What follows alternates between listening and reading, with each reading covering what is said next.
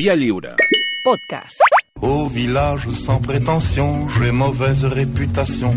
Je me démène ou que je reste quoi, je passe pour un je ne sais quoi. Hola, exagrables. Hola, què tal? Què tal? Bon dia. Uh, Estàs patint o què? Uh, eh? Estàs patint?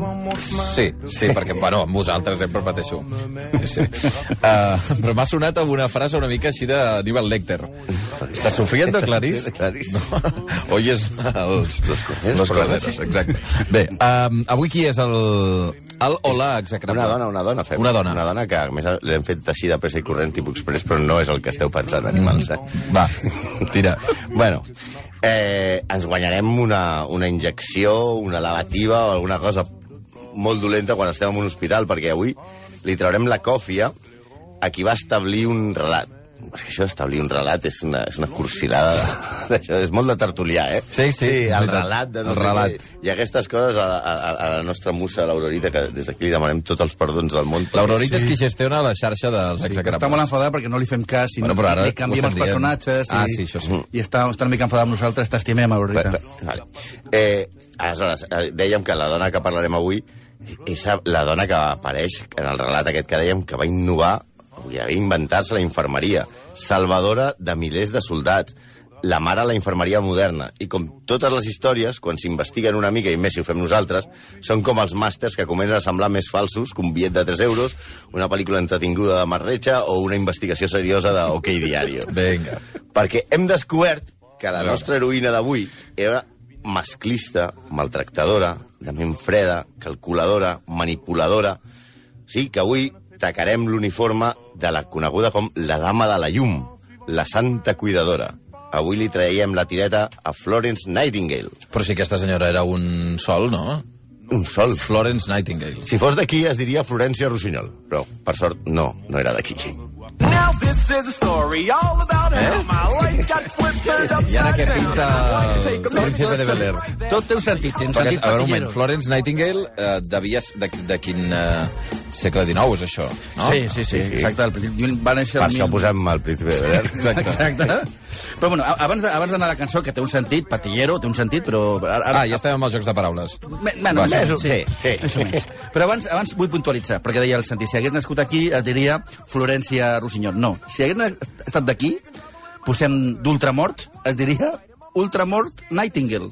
Què és? Perquè els seus Per què? pares tenien el costum de posar als seus fills el nom del lloc en el qual naixien. Florence va néixer a Florence, és a dir, a Florència, que llavors Ah, era una ciutat del... a Itàlia. Era, era, no, no existia, eh, era el ducat de la Toscana, no existia Itàlia. Mhm. Tot, I que no és un purito. Vinga. Pels, pels de l'ESO...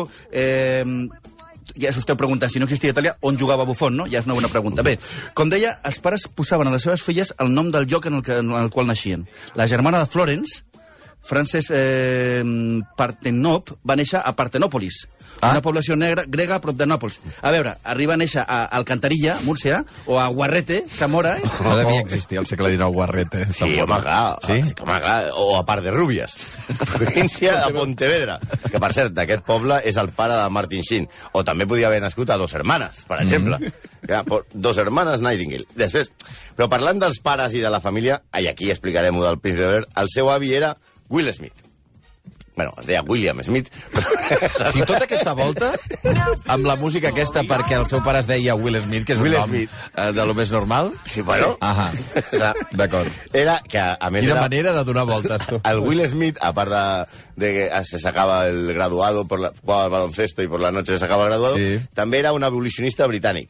La seva família, la Florence, el seu pare tenia Sí. molts diners, molts diners, moltes propietats, eh, tocava, tocava, tocava pesta, vamos. Sí. I ella, aleshores, semblava estar destinada, com passava en aquella època, a casar-se algú amb la seva classe social i no pagar un pal a l'aigua. Mm -hmm. Però no. Però no. No es va casar, no. Sembla que va morir casta, vull dir, sense contacte bíblic, carnal, sense cardar, vaja. Vinga, sí, però sí. va Sí, trigar, sí, sí.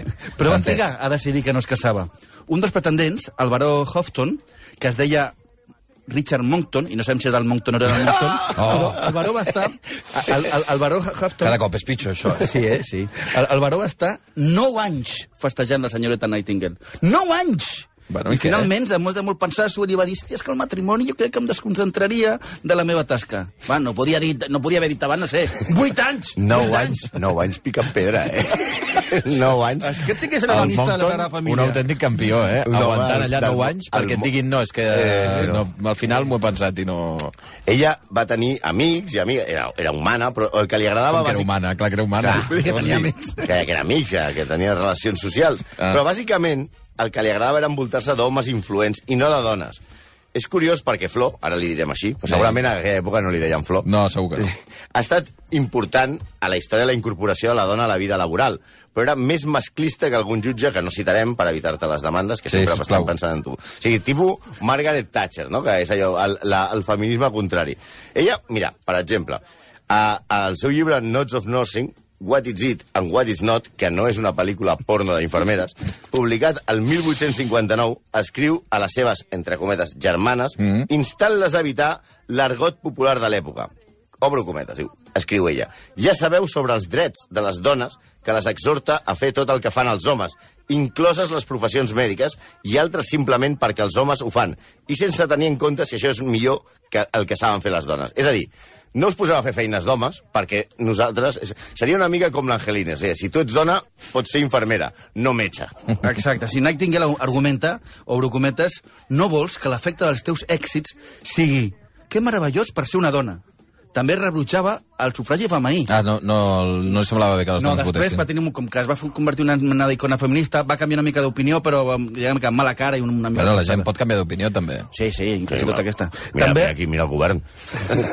I, I ella, en, en tots els seus discursos, enfatitza molt la importància de que les dones ocupin el seu lloc, que en cap cas, en cap cas, ha de ser el de metge. Sí, és, un, és, és una icona feminista, però que, per exemple, el 1861 escriu les dones no tenen simpatia. Això diu ella? Sí, les dones anhelen ser estimades, però no estimar, i no, no coneixia Esperanza Aguirre encara, eh? Elles reclamen la teva simpatia tot el dia, però són incapaces d'oferir alguna cosa a canvi, perquè no poden recordar els teus assumptes el temps suficient com per fer-ho.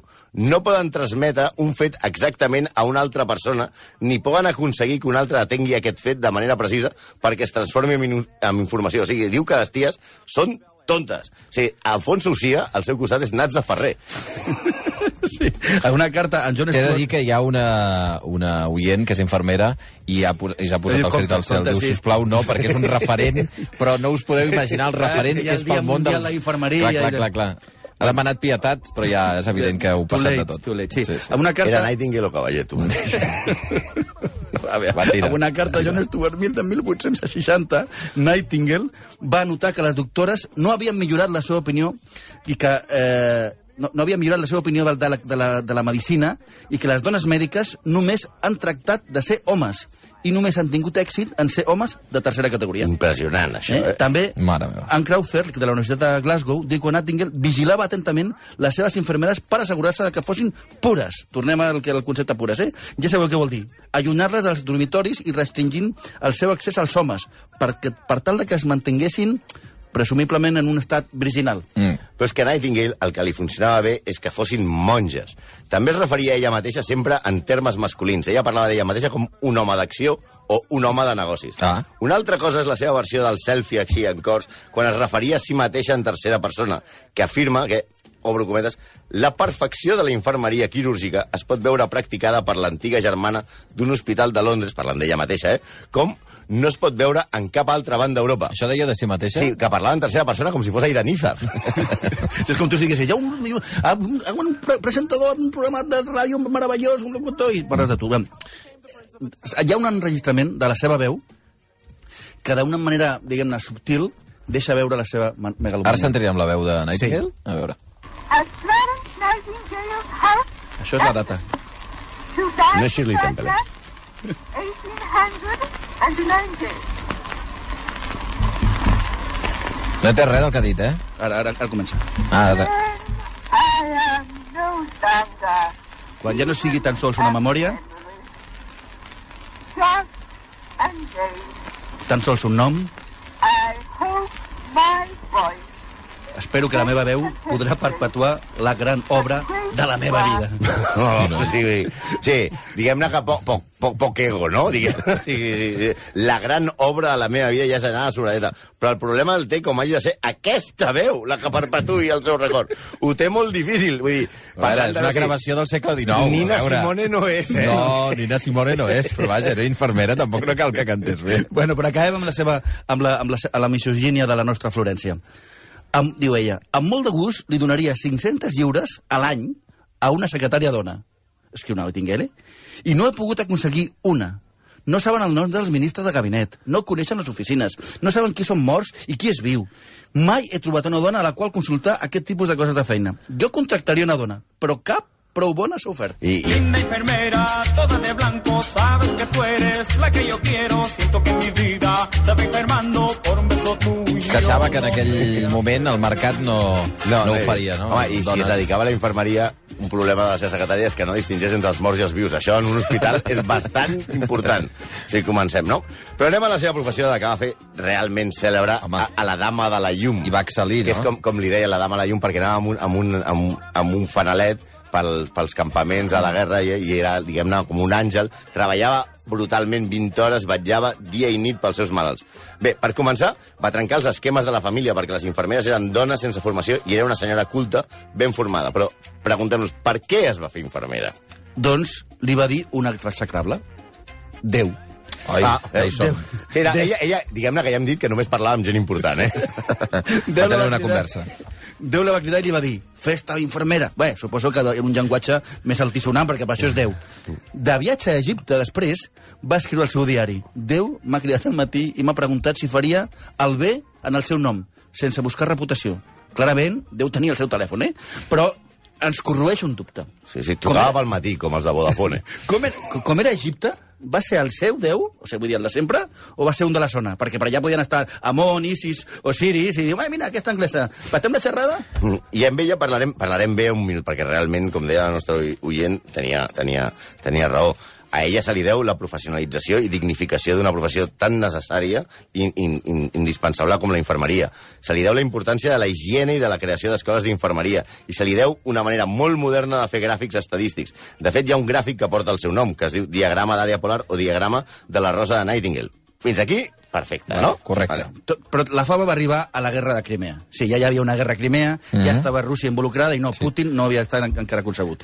Ella, al costat de 38 infermeres ben formades, van arribar a uns centres bruts i a amuntegament de malalts. Bueno, ella va fer veure que, gràcies al fet de que ella va descobrir que no estaven ben alimentats i tenien un esgotament bestial, s'estaven morint. I que les seves tècniques la mortalitat havia passat en molt poc temps del 42%, al 42%, eh?, al 2%. Impressionant. És absolutament impressionant, però és mentida! Estudis van demostrar més tard que la mortalitat, quan ella va arribar, va augmentar. Fins que el govern no va netejar els desguassos i la higiene no va caure dràsticament, l'índex de mort, o sigui, hi va caure, perquè estaven molt bruts, és el que va, ho, ho va arreglar. Ella, durant la guerra, mai va defensar que la higiene era el problema i seguia presumptament convençuda que era un problema d'alimentació. Era la típica mare que et deia, mama, que sempre et diu, quan vas de viatge, diu, has menjat, has sopat, o sigui, vas a la guerra i dius, però has, has menjat, quan surtis de la trinxera, porta't un entrepà. Eh? I així s'ho va fer creure fins i tot dos anys després de la guerra. Es morien perquè no mengen, segons ella, i estan molt cansats, perquè necessiten menjar bé. Però el que morien, de veritat, era tifus, febre tifoidea, còlera, disenteria. Van morir 10 vegades més soldats de malalties que per les ferides de la guerra. Però ella era una publicista de si mateixa de primer nivell. Era la primera influencer i s'apropiava de qualsevol cosa bona que succeís a, a prop seu. Sir John Hall, que era un machirulo que, de l'hospital que no volia eh, que la, les dones fossin als hospitals, això s'ha de dir, escriu unes cartes amb dades que semblen ser certes. Per exemple, diu, tot el que fem, tots els arranjaments, totes les coses beneficioses que fem a l'hospital, se les atribueixen al seu geni per part de la premsa i als seus propis oradors elogiosos. Era cert, havia creat un acord de persones i mitjans que estaven al seu servei. Aquí todos sois igual de insignificantes. Y mis órdenes son acabar con todos aquellos que no sean capaces de dar la talla en mi amado cuerpo. ¿Me entendéis, capullos? ¡Señor, sí, señor! ¡Coño, más alto no Però soy! què m'esteu dient? Que Florence Nightingale era, Era- era una mica com el de la Sí, jaqueta metàl·lica? totalment. I, i, I no va explicar, per exemple, o sigui, ella tenia una premsa, com deia el Malcolm, que exagerava tot el que feia, però, per exemple, no va explicar que es trac- eh, ella es comportava com el de la jaqueta metàl·lica. El cos d'infermeres li va plantar cara davant dels seus abusos. Es va revelar davant de les seves maneres arbitràries. Va acomiadar infermeres per tímides o acusades falsament de borratxes. Oi. Hall, que pensava que desaprofitar valuosos recursos humans, va dir que ella era terriblement ambiciosa, no servint al seu país, sinó al seu ego desmesurat, i va sembrar el terror entre les seves companyes. Era com un Mourinho, però que la premsa durava. Ei, eh, Mourinho del, del Madrid, no ara que ens cau bé, eh? A més, era, e- ella era amiga íntima, bé, ja sabem que no tan íntima, però, de Sidney Herbert, que era el secretari de guerra que la va posar a, a, a aquell lloc i a ella al, al qual apel·lava cada vegada que volia alguna cosa. És a dir, era com una... Estava enxufada i sempre que necessitava alguna cosa trucava al seu amic. I se, se saltava el procediment, que aquí sí que estava clar, no com al nostre Parlament. Richard Aspin, arxiver anglès, diu que, obro cometes, ella no jugava net i no va passar pels canals normals. Si ella volia alguna cosa, es disposava a aconseguir-ho de qualsevol manera que pogués. Però tot ho feia per als malalts. Sí, perquè jo lo valgo. Això ho compensa. Sí, clar, però ella, per exemple, també se li va anar la flapa brutal i començava a demanar ja material inútil, malbaratava els, el, el, les despeses. Només va accedir, que, que, i eren extravagàncies totals. Per exemple, ella que havia acusat de, de, de borratxes a les infermeres, va arribar a demanar, per, com, a, com a material sanitari, 500 dotzenes d'ampolles de porto. Sí, després diu que s'emborratxen les infermeres. Jo perquè ja no veig, que si no... Sí, sí, però clar, Nightingale va descobrir una cosa meravellosa, que es podia organitzar autohomenatges, si no ens referim al que ens farem ara quan sortim d'aquí, i guanyar molts diners. Tant amb el que va sobre desenvolupa escoles d'infermeria que canviarien el món, això se li ha de reconèixer i tornem a dir-ho. I va començar a fer xerrades queixant-se de la situació de, dels hospitals militars. I això va afectar a tots els hospitals i realment les condicions van millorar. Va escriure llibres que van suposar la base de l'educació a la infermeria. I com diria un dels seus biògrafs, era dolenta, dolenta, però amb imatge de santa, però molt dolenta. No obstant això, va fer molt bé. És a dir, un, una contradicció absoluta com que ara Paco Alcácer jugui bé. Las chicas de la Cruz Roja, Apa, novias de la Què és això? Ah, les xiques de la Cruz Roja és un mite de pel·lícula. Perquè, perquè ella, de fet, o sigui, Henry Sou Dunant... tan vintage com voleu. Henry Dunant va ser el fundador de la, de la, de la Creu Roja i va dir, tot el que sóc, jo, soc, soc conegut com el fundador de la Creu Roja i el promotor de la Convenció de Ginebra, però hi ha una dama que és, que és qui, ha, qui li dec tot, i és aquesta dona que es diu... Eh, Com se diu? llama? Florence, na, Flo, Florence Nightingale. De qui No, estàvem parlant avui? Déu no, meu. perquè, perquè, Versus que esteu. perquè, perquè, perquè eh, tot el que, el, el que es va dir que va fer a Crimea va inspirar el, el fundador de la Creu Roja. Vull dir, ella, de fet, indirectament, és la, és la, la inspiradora de la Creu Roja. Ella és veritat que va ser, va ser la presidenta, això que es diuen les dames de la Creu Roja. Vull dir, ella també va col·laborar, etc. Però bueno, també, com ella s'apuntava, era com el parxís, feia una cosa, un, matava un i comptava 20, de fet, es, es, es dona més mèrit del que tenia al final, va morir, com ens passarà a tots, i va tenir una parada cardiorrespiratòria Com i va tots. tenir un final molt dur, amb dolors molt forts a l'esquena i per les febres de Malta, que és més o menys el que jo tinc amb el whisky. Va, I, una- i, de Malta, i va acabar Malta. molt deprimida. Els seus enemics diuen que era pel remordiment d'haver sigut una falsària tota la seva vida. Potser mai ho sabrem. Després de la seva mort s'han fet obres teatrals, pel·lícules, s'han pintat quadres, queda com, un, com una imatge de, de, de bonança i, i, i, i, mite que ja hem tirat a terra. Però el pitjor de tot és que va gravar aquest clip amb la seva veu. Bueno, escolta, però és que no sabem eh, la gravació de quina qualitat era. Vull dir, ara no era com aquí a la ràdio, que podies equalitzar sense saber com estava gravat. L'equalitzador. Perquè vosaltres no teniu la veu que sembla que tingueu. No, Ah, no, no, Vull dir, sou, teniu bastant més veu de, de pito i de canari. Sí, però sí, passa sí. que aquí a la màquina ho canvia Clar, tot. ho i- canvia. I, Per de cop, tal. 11 i gairebé dos minuts, execrables, gràcies, eh? A Aneu- vosaltres. Aneu, aneu a pastar fang, directament. Vale, anem per allà. monde viendra me voir pendu, sauf les aveugles, bien entendu. 11 i 2.